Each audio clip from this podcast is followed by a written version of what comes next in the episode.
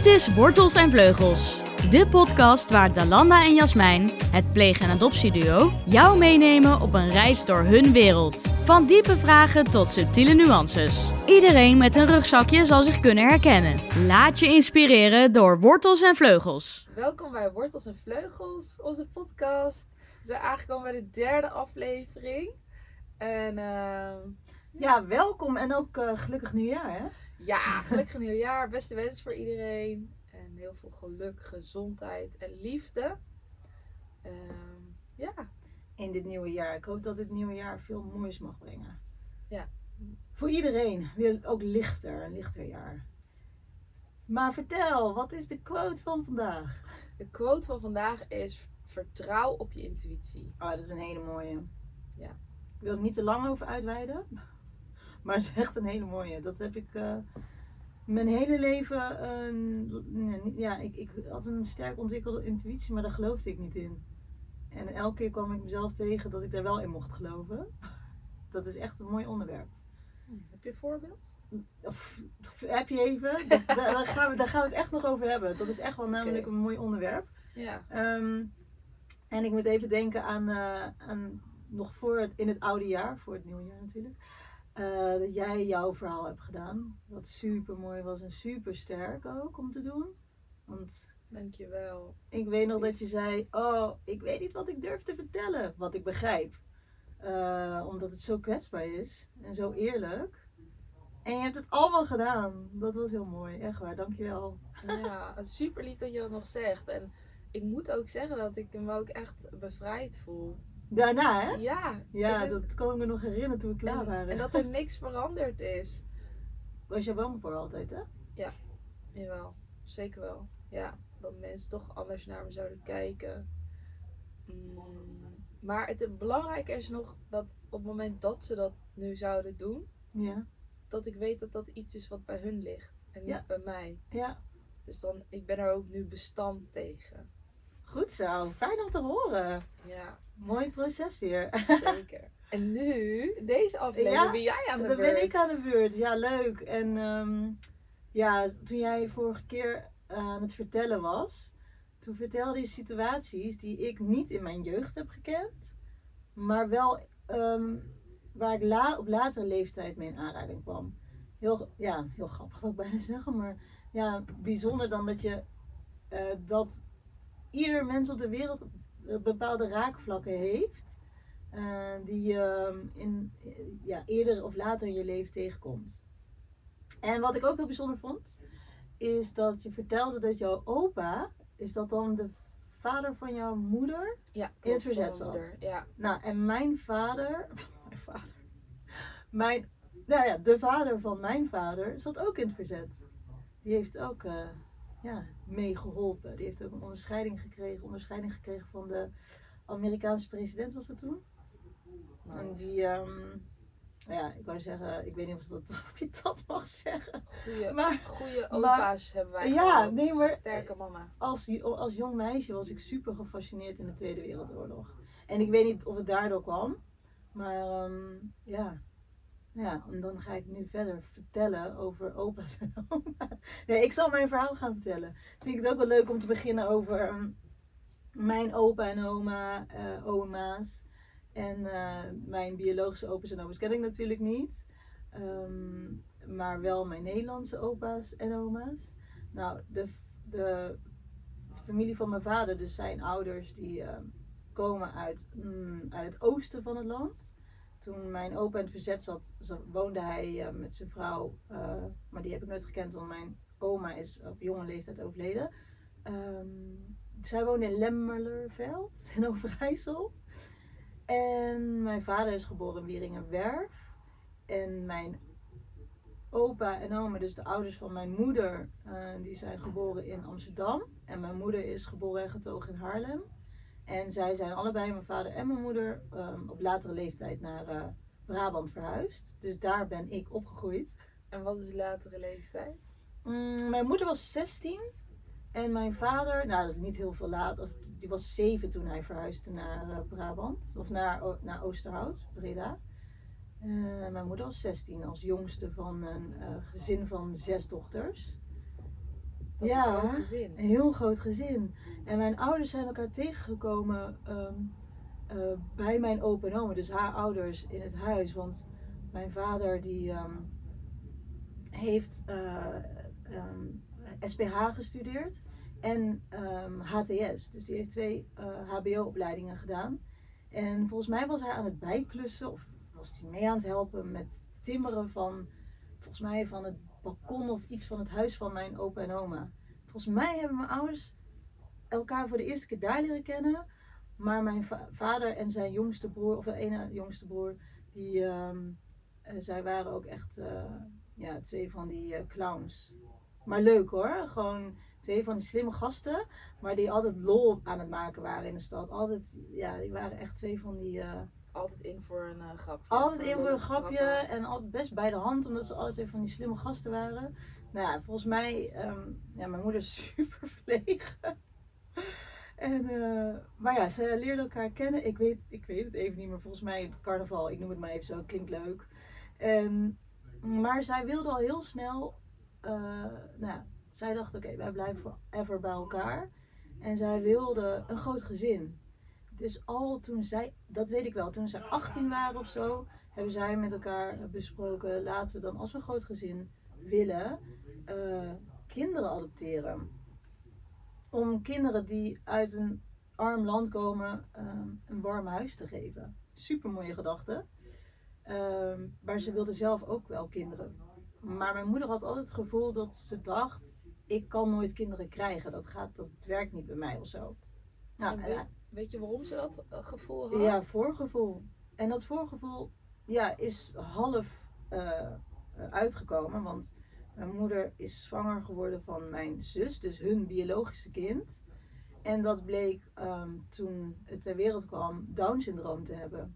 En in die tijd, dat was in 1978, was er niks bekend over Down-syndroom.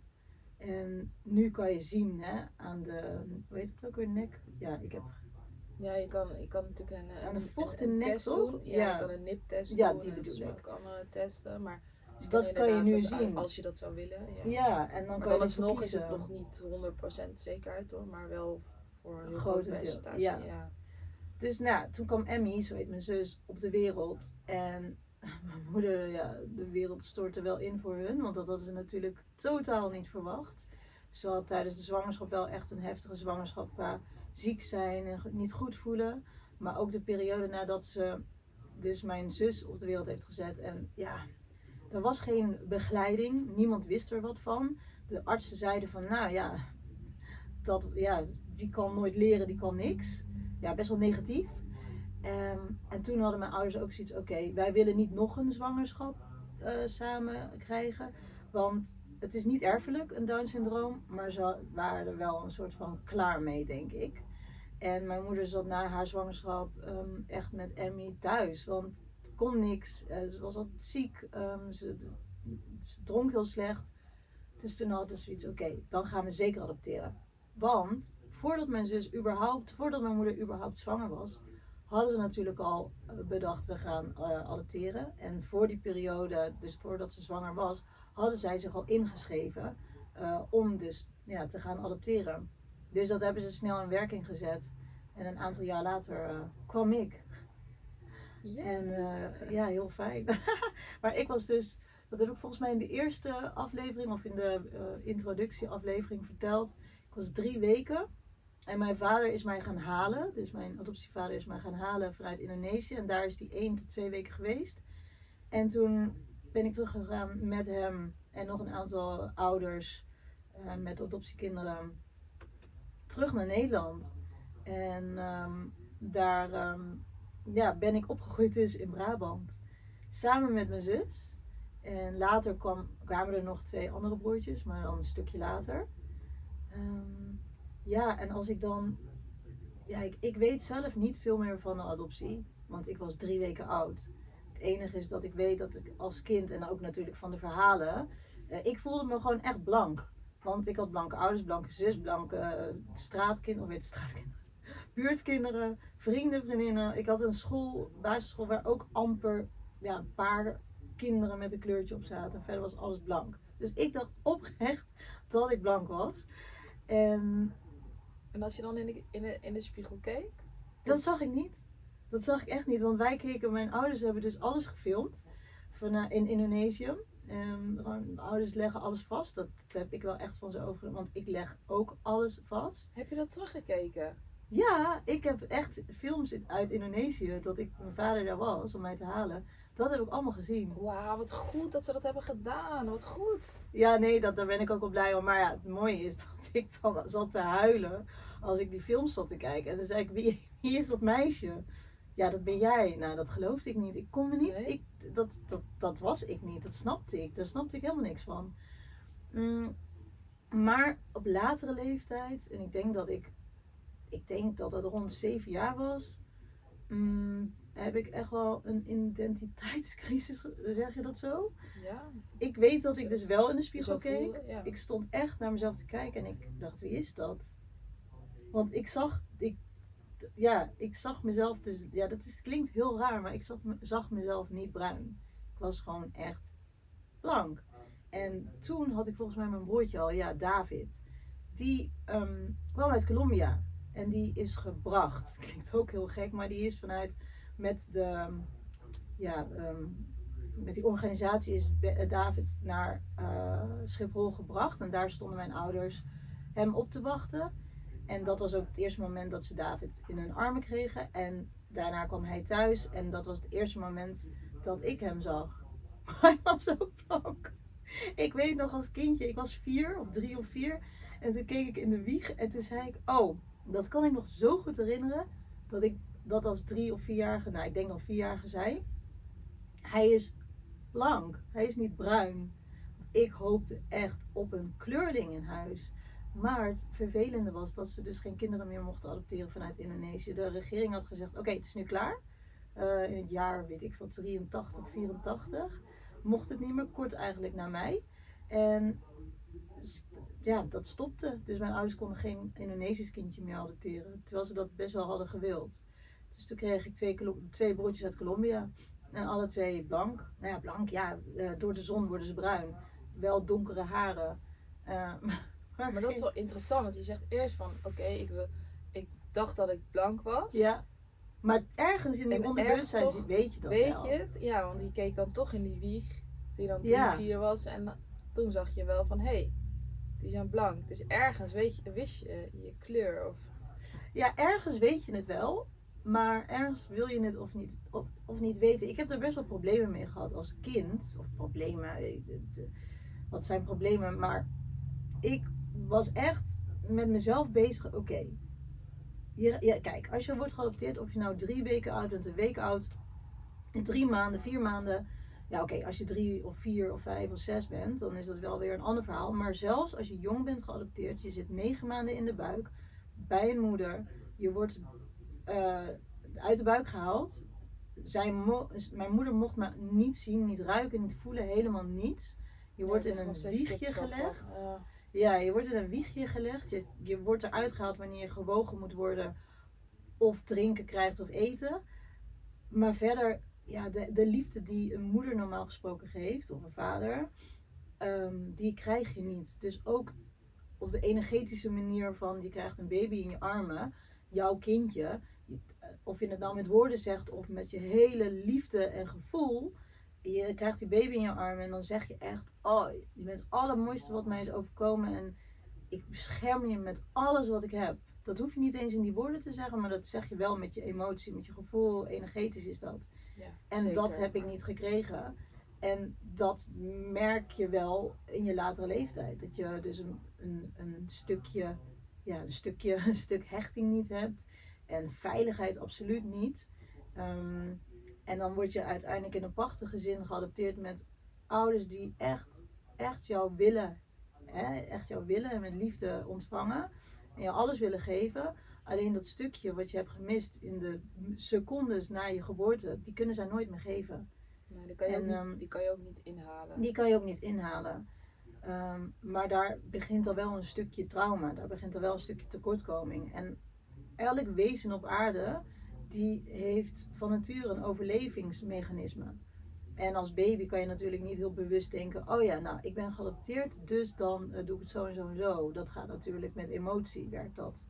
En als jij met zoveel seconden, minuten, uren eh, in een wiegje ligt of in een bedje ligt in Indonesië en je krijgt dus geen liefde en je krijgt alleen maar liefde ehm, als je gaat huilen.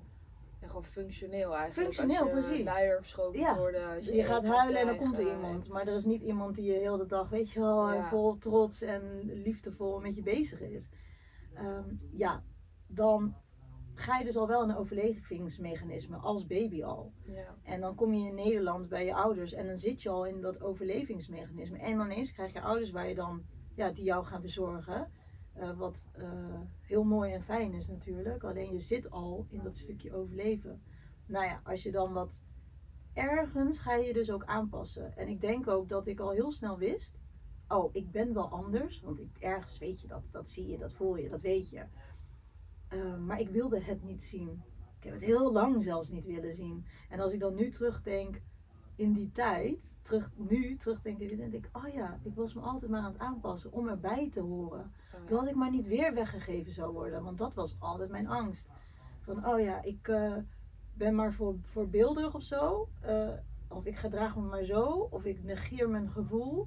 En ja, als kind, als ik daar mijn moeder vraag, wat, wa- hoe was ik dan als kind en hoe was ik dan op school? Nou, op de basisschool dan. Want dat kan ik me dan iets minder goed herinneren. En dan zei mijn moeder, ja, je was, je was een heel vrolijk kind.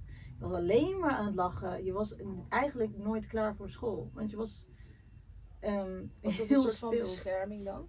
Dat Ja, je altijd dat aan het lachen was, altijd blij was, altijd...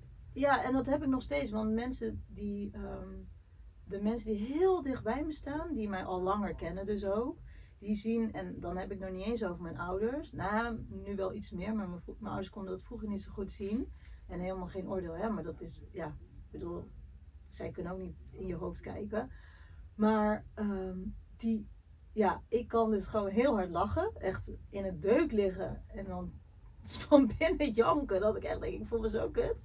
Maar ik, wil, ik, wilde, ik wilde altijd wel vrolijk zijn. Want ik vind het heerlijk om te lachen. Echt, als ik een dag niet heb gelachen, dan- denk ik echt... Nee, ik moet lachen. Dat vind ik heerlijk. Dus als kind, ja, ook als je films ziet van mij van vroeger... zie je me altijd ook een clowntje zijn. Ik ben altijd bezig en lachen en klieren. Op school zat ik ook heel vaak op de gang. Al zelfs, ik denk al op de basisschool. Ik wilde gewoon iedereen altijd aan het lachen maken. Ik was altijd aan het, eigenlijk aan het kloten. Ben zelfs blijven zitten in groep 4 omdat ik gewoon nog te speels was. Ja, en dat kan ik nog steeds wel zijn, gelukkig. Ik kan nog steeds kind in mezelf naar boven halen. Maar ergens was dat ook een, eh, een misschien ook een negeren van, van verdriet of pijn. Ehm, terwijl ik natuurlijk niet bewust wist dat ik geadopteerd wa- was. Ja, was, ja, eerst ben. Maar mm, je voelt je toch anders. En dat wilde ik niet. Dus, en dan had ik ook nog eens een zus met Down syndroom. Nou ja, dat was mijn groot beste vriendin. Daar deed ik ook alles samen mee.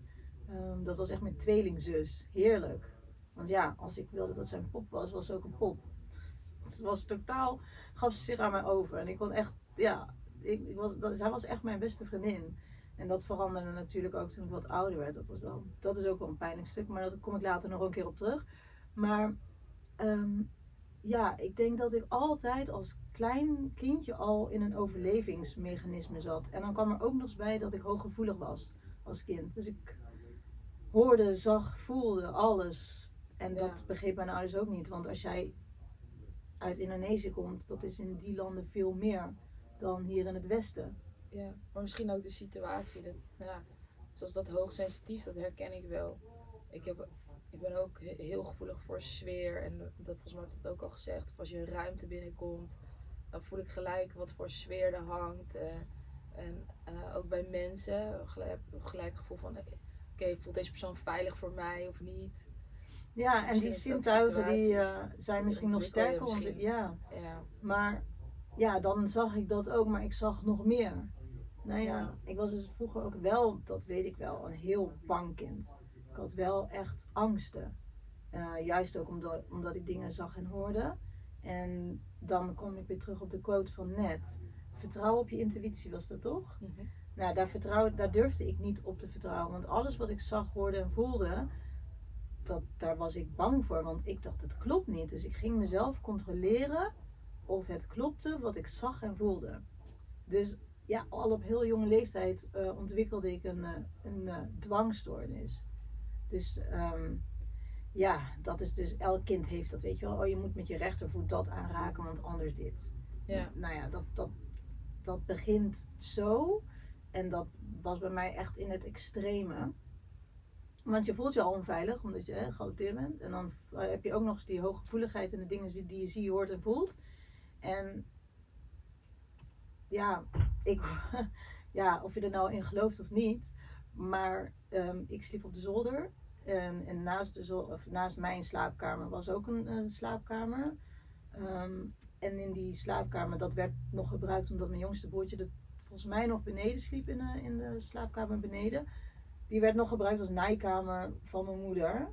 En ik vond het heerlijk als ze daar s'nachts, of s'nachts, s'avonds zat te naaien als ik op bed lag. maar um, ik hoorde dat ook een keer, gewoon echt alle geluiden, de schaar, alsof er echt iemand was. Dus dan ging ik kijken of het klopte. Of zij er aanwezig was. Ja, en het licht en de voetstappen, alles hoorde ik. En ik ja. had echt niet, ik had niet zo'n grote fantasie. Ik had wel een grote fantasie, maar niet zo'n grote fantasie. En er was niemand. En dus zat er niet. Nee, en, en dat waren wel dingen die ik nog heel goed kan herinneren. En dingen die ik echt voorbij zag komen en zag en voelde. En dromen die uitkwamen. Nou, ga zo maar door. Dus ja, en dat hebben mijn ouders niet nooit geweten. Dat heb ik verborgen Heb je nooit verteld? Nee. Ja, nu weten ze dat wel. Maar ja, als kind maar kon ik dat als kind kon je dat niet vertellen. Ja, dat, ja, dat, En dus ik weet ook, wat ik ook heel erg nog weet, is dat ik in mijn bed lag. En dat ik dan helemaal op de zolder. En mijn ouders waren helemaal beneden. En ze hadden wel een babyfoon, maar ik durfde nooit om hulp te vragen. Zelfs niet als klein kind. Dan was ik, ik was bang, bang om het verkeerd te doen.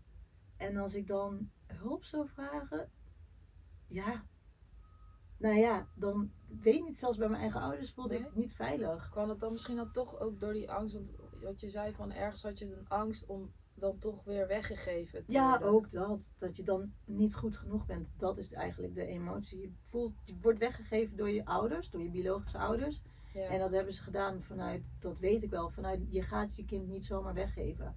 En zij was tweede vrouw van mijn vader. Dus zij had geen poot om op te staan. Ze had echt niks. En ja, ehm, er bestond adoptie. Dus zij heeft eh, mij laten adopteren. En ik weet nog dat ik toen ik, weet ik veel, ergens toen ik twintig was samenwoonde, had ik twee katten. En ik wilde die relatie verbreken, maar ik durfde hem niet te verbreken omdat die katten anders nergens. Ja, wie gaat die katten dan nemen?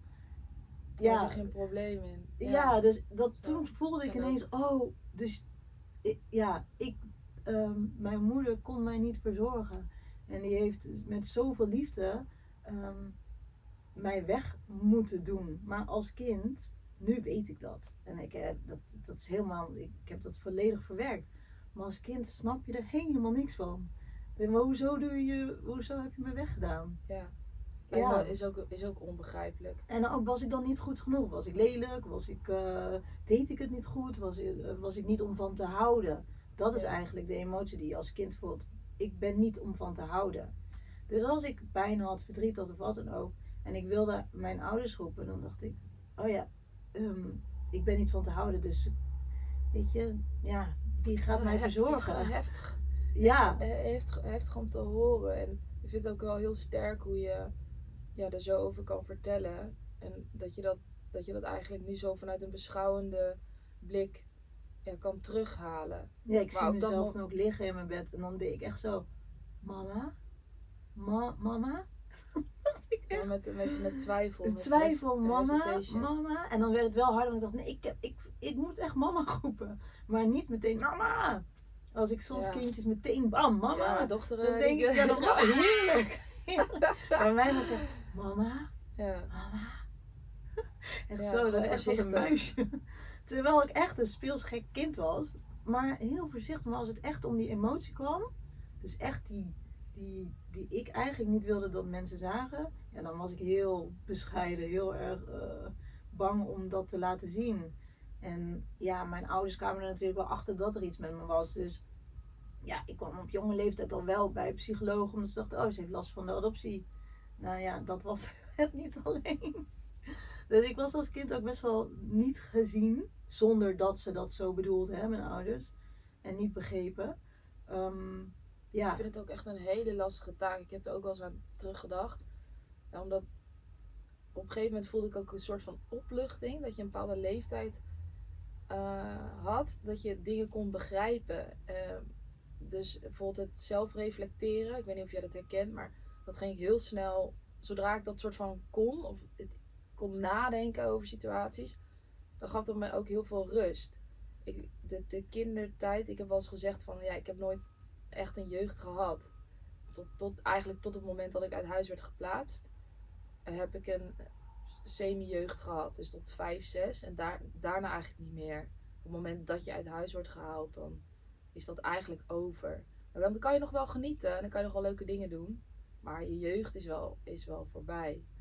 En Ja. ik vond dat wel, dat die wetenschap, ehm, daar had ik dan op latere leeftijd wel meer rust uit. Maar ik zou ook niet, ook niet, ja, hoe kan je, hoe, hoe kan je een kind nou die veiligheid geven en uitleggen in, of in bewoordingen dat het, dat het wel, dat het geliefd is en dat, het, dat je wel eh, bij je adoptieouders blijft en dat dat ja, eh, dat is zo- vertrouwen. ja, dat is, En dat vertrouwen dat is eh, afgenomen eh, toen je een baby was. ja, En dat, dat, dat, is, is zo fundamenteel. Ja, en dat, dat, dat is weer vertrouwen in het leven krijgen. Dus als, dat wordt eigenlijk weer opnieuw opgebouwd.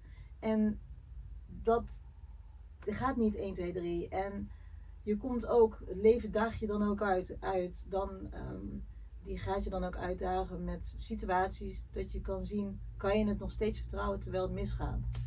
Is vertrouwen, vertrouwen, vertrouwen, vertrouwen. Het is altijd vertrouwen. En dat heb ik wel in mijn hoofd geprent op latere leeftijd. Hè? Toen ik daar, eh, toen iemand, ooit kwam er iemand in mijn leven. En ehm, geen relatie hoor, maar ehm, een vriend die eh, mij ook, ook daarin. En die zei de juiste woorden. Die zei, het, is, het gaat om het vertrouwen. Wat je hebt meegemaakt, daar kan je niets aan doen. En nu ben je op latere leeftijd, of hè, op volwassen leeftijd. En nu kan je dat, jij kan dat weer ehm, veranderen door, ga maar vertrouwen. En je gaat dingen in je leven krijgen, op je pad krijgen, waarin je wordt uitgedaagd en weer op de proef wordt gesteld of je kan vertrouwen. Ja, zelfs als je huis bij wijze van spreken afvikt, kan je dan nog steeds vertrouwen dat het goed komt. Terwijl je echt denkt, oh mijn leven, gaat- weet je wel. En Ja. ik heb in mijn leven best wel heftige dingen meegemaakt.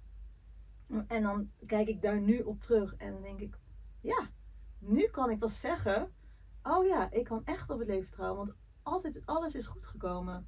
Ja. En eh, nou ja, al- alles is goed gekomen is ook zo, eh, hè, zo globaal. Alles Maar komt alles goed. komt goed. Maar uiteindelijk, links of rechts, rechtsom, of nou leuk is of niet, ehm, Alles komt op zijn pootjes terecht. komt wel op zijn pootjes terecht of krijgt het een vorm die, waar je dan ja, waar je ook mee moet dealen. En dat is dan misschien ook de kunst dat, dat je er dan mee kan dealen. En dan is het goed. En er zijn genoeg mensen die iets op hun pad krijgen waar ze nooit mee kunnen dealen. Ja, en dan inderdaad, dan, dan voelt het voor diegene ook nooit meer goed. En dat maakt het leven ook super lastig. Ik heb op vertrouwen is ook echt een, een ehm, ja, belangrijk punt geweest in mijn leven. Of wat op veel momenten terugkwam. En op een gegeven moment heb ik ook wel echt met mezelf afgesproken van liever een leven in vertrouwen dan steeds leven met wantrouwen. Dus, eh, want meestal gaat het wel goed. En meestal eh, is iemand wel te vertrouwen. En, en, Nou, een en ik- keer is het dan niet, maar dan is dat dan die keer. In plaats van Nou. dat door het volledig door te trekken. Dat had ik op een gegeven moment wel. Ik heb wel geleerd, ik vertrouwde als kind, vertrouwde ik iedereen. Maar ik was zo'n, ja, nog steeds, ik ben een heel puur iemand. En ik ga heel puur met dingen om. En soms denken mensen, nou, wat een naïef kind. Maar liever naïef dan dat ik berekenend ben. Want dat ben ik helemaal niet. Ik, ik weet niet eens hoe ik dat zou moeten doen. En ik, als kind was ik ook zo puur. Zo, dus ook zo ging ik met mensen om. En ik dacht dat iedereen zo was. En een vriend heeft mij later verteld, Jasmijn, bij, jou begint iedereen met 10 punten. Ga eens leren dat mensen met 0 punten beginnen. Want mensen zijn, die zijn niet lief. Jij denkt altijd dat iedereen lief is. En dan ga je weer op je bek omdat je hè, wordt misbruikt door je goedheid. En toen dacht ik, oh ja, dat is een goeie. Je begint gewoon met 0 punten en je kan je punten verdienen. Bij mij begon iedereen altijd met 10 punten. En dan, dan dacht ik altijd, oh, oh, oh. dus ja, ik, ehm, ehm, ja, eh, mensen zijn, nee, ik geloof, ik geloof mensen kunnen vanuit hun tekortkoming, vanuit onzekerheid, zonder dat ze het per se in de gaten hebben, kunnen ze dingen doen die niet betrouwbaar zijn. Dus ik, nee, ik, ik, ik vertrouw mensen niet meer uh, zo snel. En um, ja, nu op latere leeftijd kan ik, kan ik nu wel, kan ik dus nu op mijn intuïtie vertrouwen. Dat is Ja. echt zo. Van, oh ja, eh, deze persoon laat ik ver weg. En deze persoon mag wat dichterbij. Maar dan alsnog ben ik iemand die open staat voor allerlei verhalen. En allerlei ehm, ehm, ja, levens van mensen. En ehm, daardoor ja, ga ik nog steeds wel eens op mijn bek. Omdat ik lijkt net of ik dan iedereen toelaat. Maar ik wil graag naar iemand luisteren. Ik vind het leuk om verschillende ha- verhalen te horen. Ik vind het interessant. Ik wil naar je luisteren. Ik wil je zien en horen. Ik vind dat, ja, dat, dat vind ik mooi. Maar dat betekent niet dat ik het altijd met iemand eens hoef te zijn. Maar daardoor lijkt het soms net of ik dan heel veel. Weet je wel, ik ben dan, lijkt net of ik dan niet kritisch ben. Maar ik ben heel kritisch. Alleen, ik wil niet zomaar iemand afvallen. Ik denk, ja. Je wilt een open, open ja, mindset ook als ik eh, in een ruimte ben, ik praat dan gewoon met iedereen. Welk verhaal je ook te vertellen hebt. Ik vind dat, ja, vind ik leuk om te horen, Dat interessant. ik een, mooi, een mooie eigenschap om te hebben. Ja. Mijn beste vriendinnetje haatte dat, want dan stond ik weer bij een kassa en dan praatte ik weer met die en met die en met die. En we hadden dus zelf, wij, wij hebben elkaar leren kennen als collega's. En we hadden dan een eh, werkgever die stopte niet meer met praten, maar ik stopte ook niet met vragen, omdat ik oprecht die vragen had.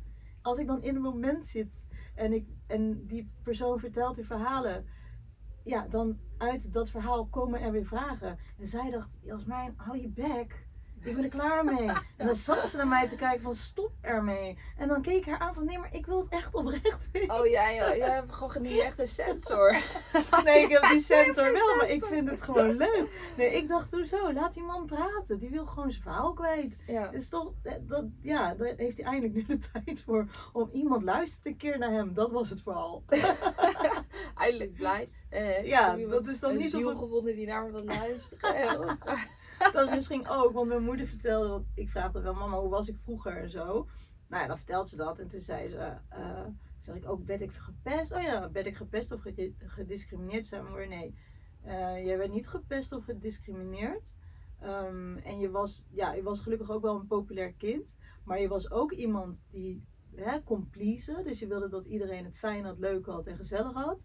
Ehm, maar als iemand jou de baas was, dus als iemand dominant was, en echt al een dominantere, dominanter dan ik zou zijn, ehm, ja, dan liet ik dat ook wel gebeuren. Dan liet ik gewoon iemand dominant zijn. Dus ik had wel een paar dominantere vriendinnen. Ja, en die konden dan, die waren mij wel de baas. Dan eh, leek net ik met mijn, eh, ja, dan dacht ik, oh ja, dat is het. Ik dacht dan, zij weten het beter. Dat is ook nog een stukje wat ik ook ben tegengekomen in mijn latere leven. Dat ik altijd dacht dat een ander het beter wist dan ik. En dat was dus omdat ik niet kon vertrouwen op mijn intuïtie. Dat was dus omdat ik niet, mezelf niet goed, goed, gen- goed, genoeg voelde. En dus ook niet van mezelf hield, omdat ik niet was om van te houden. Want ik ben weggegeven. Dus al die, ehm, ja, dus dominante, manipulerende mensen, die konden dus over me rulen toen. En ook wel wat later. Omdat ik altijd dacht, oh ja, zij, zij weten het beter. Want waarom zouden ze mij zo behandelen? Eh, ik zou hen nooit zo behandelen. Maar gek genoeg liet ik dat toe, omdat ik dacht, ze behandelen toch zoals je, je, hè, zoals je jezelf toch ook zou behandelen. Dus als zij dan naar waren, dacht ik, ja, dan heb ik dat verdiend. Oh, Dan hoort ja. dat zo. Zo goed gelovig. En Ja. ja. oh, ja, mooi. Dat. Dus ja, dat zijn. Ja, dat is. ehm, ja, adop, ja, dat is echt. Ja, ik weet dus. Ja, jij had dus met jouw verhaal, hoe jij als pleegkind werd, een, eh, een best wel uitgebreid verhaal, omdat het jouw beleving was. En ik weet natuurlijk niet veel over mijn adoptie, hoe ik geadopteerd ben. Ik weet al het verhaal van mijn ouders. En, uh, en ja, hoe zij hè, een adoptie zijn aangegaan en hoe zij het hebben ervaren. En daarna, hè, met latere leeftijd, als kind, dan pas komen die herinneringen en dan pas komt het besef van, oh ja, wat ik al zei, zeven jaar sta ik voor de spiegel en ineens denk ik, ik ben bruin. Maar dan kom ik nog even terug op dat ik dus mezelf ging aanpassen om dus niet meer bruin te zijn. Ja, dat heb je me verteld. Het was namelijk of ik ben geadopteerd en blank, ja. of ik ben geadopteerd en heb een kleurtje en ik accepteer dat. Maar dat kon ik niet accepteren. Want ik, ik wist niet waar ik bij hoorde. En toen heb ik dus gedacht, oké, dan uh, schakel ik het volledig uit dat ik dus geadopteerd ben. Dus als ik dan kinderen die ook geadopteerd waren, want mijn ouders kennen natuurlijk best wel veel ouders met geadopteerde kinderen. En dan uh, ook een gezin met drie kinderen uit Indonesië. Maar hoe kennen ze, hoe kennen ze die dan? Mijn ouders bijvoorbeeld, die kennen niet andere pleeggezinnen of zo. Ja, um, nou ja, weet je, oh ja, dan kom ik nog terug. Mijn ouders, die waren dus al op een achttiende, dachten ze, we gaan kinderen adopteren. En in die tijd was het, mijn moeder vertelde ook, in die tijd was het veel meer dat je wat voor een ander deed. Mijn moeder vertelde ook, mijn moeder is gelovig opgevoed. En mijn moeder moest bidden voor een ander. Dus voor anderen was je, ja, je bidde niet eens altijd voor jezelf, maar eigenlijk voor anderen. Je was altijd dat er, je was, ja, je hielp op die manier anderen. En ze waren eigenlijk altijd bezig met anderen. Dus nooit met zichzelf. En dat klinkt heel gek, want dan zei je, ja, dat is toch niet egoïstisch of egocentrisch. Ehm, maar ik denk dat mijn ouders daar heel, ja, zijn opgevoed dat je dus niet met jezelf bezig mag zijn. En we zijn nu in een tijdperk aangekomen dat iedereen veel meer met zichzelf bezig is. Ook positief gezien, hè? Ook omdat je daardoor uh, aan je stukken komt om te helen. Of uh, dat je naar jezelf mag kijken, waar je blij van wordt, waardoor je ook voor de wereld weer beter wordt en voor je omgeving. Maar ik heb het idee dat mijn ouders heel erg zijn opgevoed van je moet het voor een ander doen. Je moet bidden voor een ander. Je moet, uh, een ander moet een, bijna een leuker leven hebben dan jij. en dat, dat herken ik dan ook wel weer in. Ja, het is bij, ja, als ik dan kijk naar mijn ouders, die waren. Ja, die vonden het ook wel heel belangrijk um, uh, dat zij het ook goed deden. En dan kom je dan als adoptiekind in een gezin die alles goed wil doen. En dan ben ik een kind die dacht, ben ik wel goed genoeg? Terwijl mijn ouders misschien ook die emotie hadden. Zijn wij goed genoeg? Want weet je wel, we moeten het voor een ander doen. En, heel. Nu? En Jaren nu? later, hebben ze het goed gedaan voor jou? Ja, zeker. Als ik terug. Nou, dat is weer een heel. Dat, over, over dat onderwerp gaan we later nog wel uitweiden. Maar um, natuurlijk als kind als heb kind. ik onwijs afgezet. Dus ik vond ze helemaal niet goed genoeg. Helemaal niet goed genoeg omdat ze me niet zagen en uh, weet je, ze hoorden me niet, zagen me niet. Wat ik nodig had. Ja, heel lastig, want wat heb je dan nodig? Dat kon, zij, mijn moeder zegt dan ook, bij, je krijgt geen cursus of opleiding om een kind met een rugzakje op te voeden. Een kind met een rugzakje is heel anders dan je eigen kind. En een kind met een rugzakje is, um, ja, die heeft wel andere begeleiding nodig. En zelfs al ben je drie weken oud, maar je mist ja, dat stukje, hè, dat missen en het niet veilig voelen. En hoe uitzicht dat? En uh, ja, het lezen van je kind. Of het. Uh, nou ja, en ik werd dan maar weer naar een psycholoog gestuurd, kinderpsycholoog daar. Uh, van, en ik zat daar weer met mijn grote grijns op mijn mond. Omdat ik dacht, ja, nou dan ben ik in ieder geval weer weg van school. Dat is ook wel chill. Het gaat allemaal goed met mij. ik ben goed. leuk en, en, dan zat, en ja, ik was gewoon dus ook een clown. En ook een beide handen kind. ook een, uh, ja, een beschermingsmechanisme Dat zou heel goed kunnen zijn. Maar ook wel, ik voel me ook wel zo hoor. ik voel me niet als clown, maar ik voel ook wel, ik kan dus in mijn eentje in de deuk liggen. Ik kan echt, echt lachen met mezelf. Of als ik het zie of als ik aan iets denk, kan ik echt in de deuk liggen. Dus ik, ik heb die positiviteit en vrolijkheid ook echt wel in me. Maar ik kan, ik kan ook heel goed negeren. En een vriendinnetje van mij, die zei wel eens Jij kan gewoon niet uitschakelen. Jij kan gewoon knopje aan, knopje uit. Wat mannen ook heel goed kunnen volgens mij. ga ik nou generaliseren, maar nee, ik weet niet uh, of hoe zeg je dat. Uh, ja, een man die kan laat je open en laat je dicht. Ja, kan, ik kan wat, ja, soms wat rationeler, ja, ik. Uh, en ik ben in de emotie, kon ik dus heel goed, want ik wilde dat uit kunnen schakelen. Gewoon uitschakelen, die emotie en dan hup, weer door. Maar dat uitschakelen, dat herken ik heel erg. Dat is, Dat is ook echt- overlevingsmechanisme, Dat is overleven, toch? ja. Ik denk ook op een gegeven moment, als, toen ik over na ging denken hoe dat kon. Ik kan zeg maar, ja, echt, echt gewoon iets zwaar emotioneels meemaken. En dan de, de, de, de, het uur daarna gewoon een afspraak eh, doen. Gewoon een sollicitatiegesprek voeren of zo. Ja, Ik- nou ja. Eh, ja, eh, omdat ik denk op een gegeven moment als je zoveel eh, impactvolle gebeurtenissen meemaakt in het leven, dan word je er toch ook eh, bestand tegen. Ja, zeggen niet voor niets, want doesn't kill you, make you stronger. ja, Het is wel het is waar. wel zo. En dus dan op een gegeven moment, ja, dan alleen je moet waken dan dat je wel Niet verhard, eh, niet verhard wordt. en, en het ergens wel verwerkt. Maar op een gegeven moment Ja. kreeg ik dus ook inderdaad dat ik gewoon zo met een knip. Eh, Oké, nu even niet. Komt mij niet zo. goed uit. Ja, dus ik in een andere aflevering ook over, over eh, op ingaan. Daar heb ik wel een goed voorbeeld voor. Maar ja, Jas, echt super fijn dat je dit, hebt, dat je dit zo open hebt durven delen. En wat er veel dingen die ik herken met het niet, eh, het, niet gezien worden. Het, ja, het, het niet hebben van vertrouwen. Ja. Niet weten wie je bent. Ik, heb dat ook, eh, ik heb ook voor echt exact voor diezelfde spiegel gestaan eh, waar jij voor hebt gestaan. Maar Ik kan je was- dat beeld nog herinneren? ik Ik kan het- echt, ja. ik weet nog welke spiegel het was. Ik weet, hoe- weet hoe ik naar mezelf keek. En ik zal nog een geheim vertellen. Ik had, Alone. zat op 6000 sporten. Maar ik had een heel atletisch lichaam. Want ik was echt gewoon best wel getraind als kind. Ik was wel een, ik was een gespierde spijker. Maar ik voelde me ook niet goed genoeg. Dus ik weet dat ik echt als klein meisje voor de spiegel stond. En ik keek naar mezelf. Toen dacht ik, hmm, als ik nu een mes zou hebben, zou ik dit wegsnijden. Want dat steekt een beetje uit. Nou, ik was een gespierde spijker. En ik heb geen anorexia of bulimia of wat dan ook En hoe gehad. oud was je? Toen was je dus 6, Ja, 7, dat je dat al nee, dacht? ik had al, ja, ik was, ik weet nog dat, ja, ja, ja, ja. ik was al Zo jonge leeftijd. zo jonge leeftijd. Oh. Maar ik zal je zeggen, als kind was ik, ik was een kind, maar ik was in mijn hoofd al veel verder.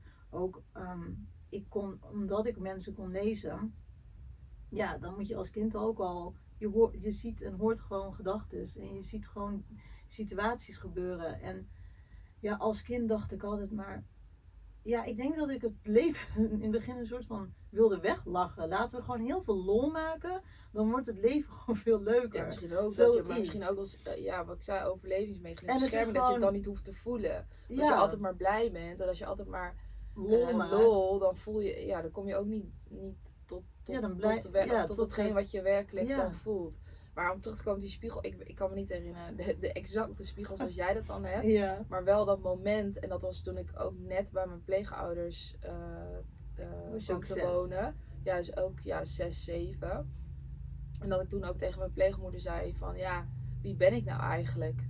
Omdat ik ja ook, ja, ik was natuurlijk bij mijn ouders weggehaald. Daarvoor had ik af en toe een ander gezin gezeten.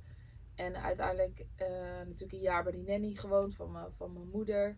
En dan vervolgens weer in dit gezin dat ik dacht van ja, waar, ik had het meer met waar hoor ik nou bij. En niet zozeer mijn huidskleur of iets. Maar, eh, maar Jas, dankjewel voor het delen. Ja, graag En, gedaan. Er ehm, zijn nog zoveel onderwerpen Ja, die je d- dan niet zozeer nu met eh, hoe ben ik geadopteerd te maken heeft. Maar veel meer, ja daar gaan we zo dan over praten denk ik. We zijn al lang niet uitgesproken nee. over eh, onze eh jeugdperikelen. Of pre- zo we lekker. zijn net, net, net Kom er lekker uit. Wat Ja, zeg je? We zijn, we, zijn, net- we zijn net begonnen eigenlijk. We zijn net en, begonnen, eh, ja. Nou sowieso. Maar ik vond het heel, ja, heel ehm, mooi dat je dit gewoon zo open wilde delen. Ja, graag gedaan. En, eh, Klinkt misschien echt heel ziet zo wat ik zei. Want dan sta ik voor een spiegel en dan dacht ik dit. Maar dat is echt... Nee, dus is heel kwetsbaar dat je Ja. het durft delen. Ik denk dat, dat eh, ik vind het wel, eh, eh, ehm, ik vind het ook heftig om te horen, omdat je zo jong was dat je dat al hebt. Eh, eh, dat je dat op dat moment, dat je dat zo al kon denken over jezelf. Van, eh, ja, dat, dat je iets niet goed genoeg vond en dat je dat dan ja, weg zou willen halen. Dat, ja, Dat doen vind ze ik- nu. Dat, we- Kan dat? Ja, ook vanaf 18 plus graag. En, we- en, en, en, en ja, wees vooral gewoon Ja, dat blij, je daar zo blij bewust met, van bent. met, Ja, met jezelf. Ja, En, nu wel. en, maar nee, maar dat, ik denk dat de, zeker tieners ook eh, worstelen met, eh, dingen in het uiterlijk. Dus ik vind het eh, alleen maar bijzonder dat je dat gewoon zo ook kan delen. Ik ga onze Intentiekaart. intentie, ja, ik wil zeggen quote, maar intentiekaart pakken. Zal ik hem even aanreiken? Ja, super, als je dat wil doen. Dankjewel. De intentie voor deze week is: ik ben het waard om iedere dag te lachen. Hé, hey, nou, die is ook mooi. We gaan er verder niet op uit, eh, weer niet op uitweiden. Ik zeg altijd uitwijken. ik, ik ken mijn spreekwoorden echt, het gaat nergens over of eh, dat soort dingen. Maar een hele mooie kaart. Ja. Dat was weer mooi van toepassing. Zeker weten. Vooral wat jij net hebt verteld. Exact. Nou, dan zijn we tot het einde gekomen van deze aflevering. Ja, bedankt voor het luisteren. En, En eh, tot de volgende. ja, en ehm, heb je vragen of reacties? Stuur alsjeblieft even een DM'tje. Word zo vleugels de podcast. Volg ons en like ons. En tot de volgende